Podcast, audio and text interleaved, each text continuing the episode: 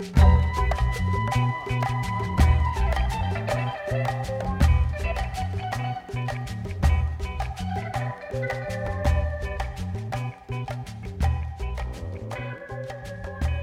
hallo. Wat leuk dat je weer luistert naar de podcast van Rookstop Buddy Leven als een niet-roker.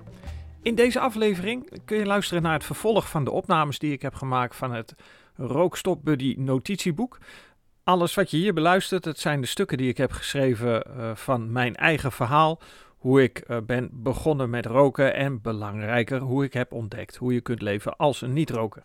In deze aflevering behandel ik de volgende drie hoofdstukjes.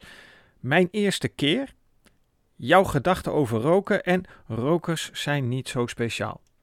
Nog even dit, voordat ik de opname ga starten, dat je kunt luisteren naar de hoofdstukken die ik net heb genoemd. Vind je het tof wat ik maak? Uh, word je er blij van, vrolijk? Uh, rate deze podcast alsjeblieft op Apple Podcasts. Uh, misschien heb je een ander platform waarin je sterretjes of feedback kunt geven. ik sta open voor commentaar, dus mocht je...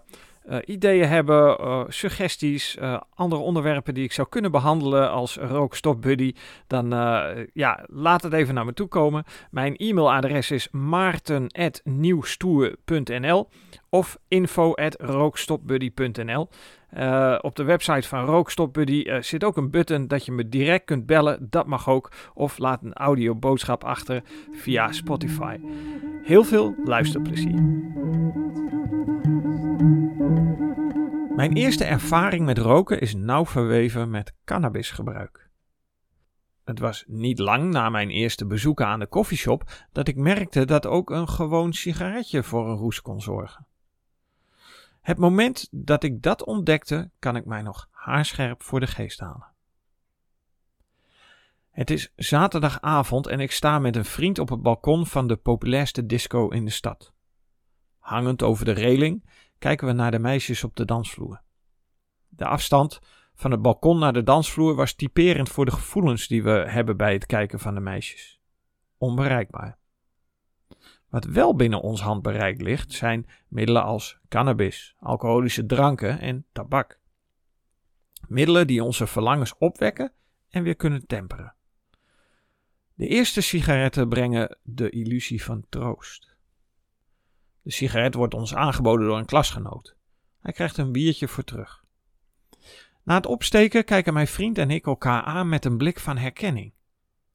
Deze roes kennen we uit de koffieshop, van de jointjes. Het duurt maar kort. Na ongeveer een half uur voel ik me weer met beide benen op de grond staan. Op dat moment zie ik de voordelen van de kortdurende roes en het relatief lage bedrag voor dit middel. Voor het bedrag van 3,75 gulden 20 keer een korte roes is nog altijd goedkoper dan een tientje wiet uit de shop. Bovendien kun je een joint niet zonder gevolgen op het schoolplein opsteken, maar sigaretten zijn in de jaren 80 nog geen enkel probleem. Terwijl in de discotheek de beats van Hanging on a String van Loose Ends de dansvloer loom in beweging zet, ga ik een verbintenis aan die meer dan 25 jaar zou duren. Dit is het moment geweest dat ik, mijn jeugdbelofte heb gebroken. De belofte om nooit te gaan roken. Ik ben in de fuik van het roken gezwommen en het heeft me een kwart eeuw geduurd voordat ik me hieruit kon bevrijden.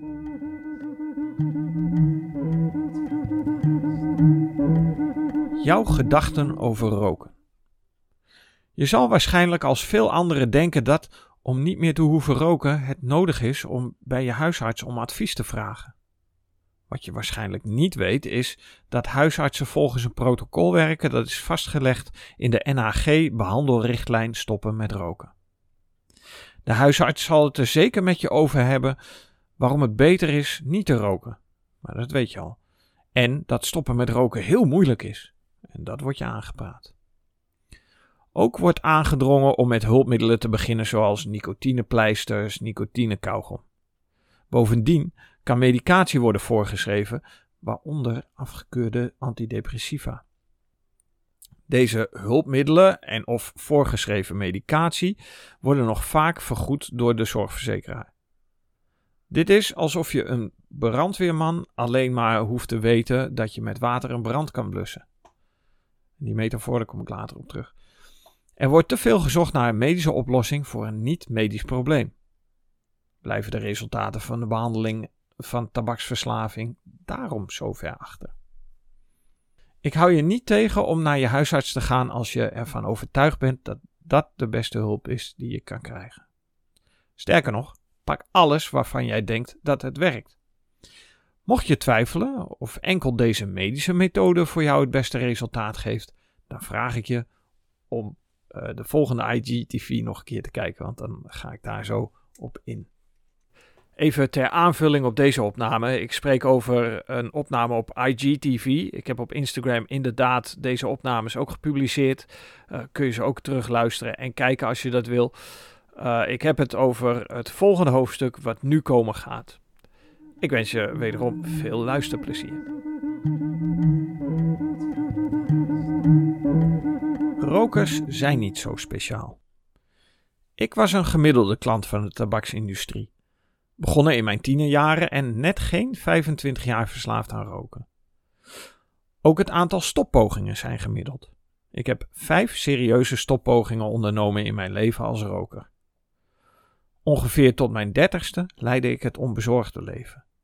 Avondjes uit met het pakje sigaretten voor de luxe look en feel en op de doordeweekse dag draaide ik check. Voor het ontbijt of, beter, in plaats van het ontbijt, check en koffie. Op het werk volgde ik ook een vast gemiddeld ritueel. Koffiepauze en roken, roken na de lunch, roken voor en na de klus die gedaan moest worden.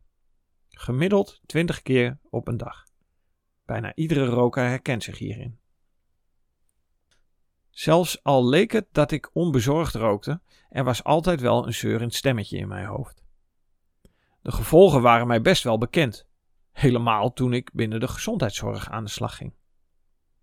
Maar zelfs eind jaren 90 was het roken nog zo normaal dat je binnen de muren van gezondheidsinstellingen rookruimtes had. Want ja, roken moet mogen was in die tijd een populaire campagne.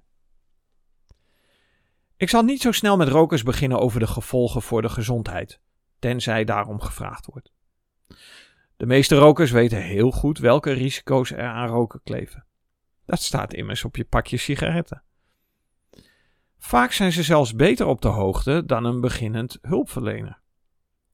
Vertellen dat iemand moet stoppen, met, uh, moet stoppen om gezonder te gaan leven is dus overbodige informatie voor de roker. Ik vermijd het praten van de negatieve gevolgen van roken, want dat veroorzaakt stress. En wat doen rokers als ze gestrest zijn? En om nog even terug te komen op de stress die ik zojuist heb benoemd in deze opname. Uh, realiseer je dat uh, je als niet-roker ook stress ervaart. Maar rokers ervaren altijd meer stress en op vaste tijden dan niet-rokers. Dat heeft ermee te maken hoe de sigaret in elkaar is gezet. Het is in wezen een angstapparaat. Een apparaat dat je letterlijk angst inboezemt bij iedere teug die je inhaleert. En het is goed om je te beseffen dat uh, als je niet meer rookt, je dus die momenten mist, dat jij uh, die angst uh, letterlijk inboezemt. En dat gemis daarvan, als je in de eerste weken van, van je nieuwe leven op weg naar niet-roker zit, kun je dus te maken krijgen met de herinnering aan het moment dat je jezelf angst hebt ingeboezemd, waarvan je dacht dat het je zou ontspannen. Uh, dat is een ander verhaal en daar kom ik uh, later in uh, de volgende aflevering op terug. Voor nu heel erg bedankt voor het luisteren en ik wens je een ontzettend mooie dag.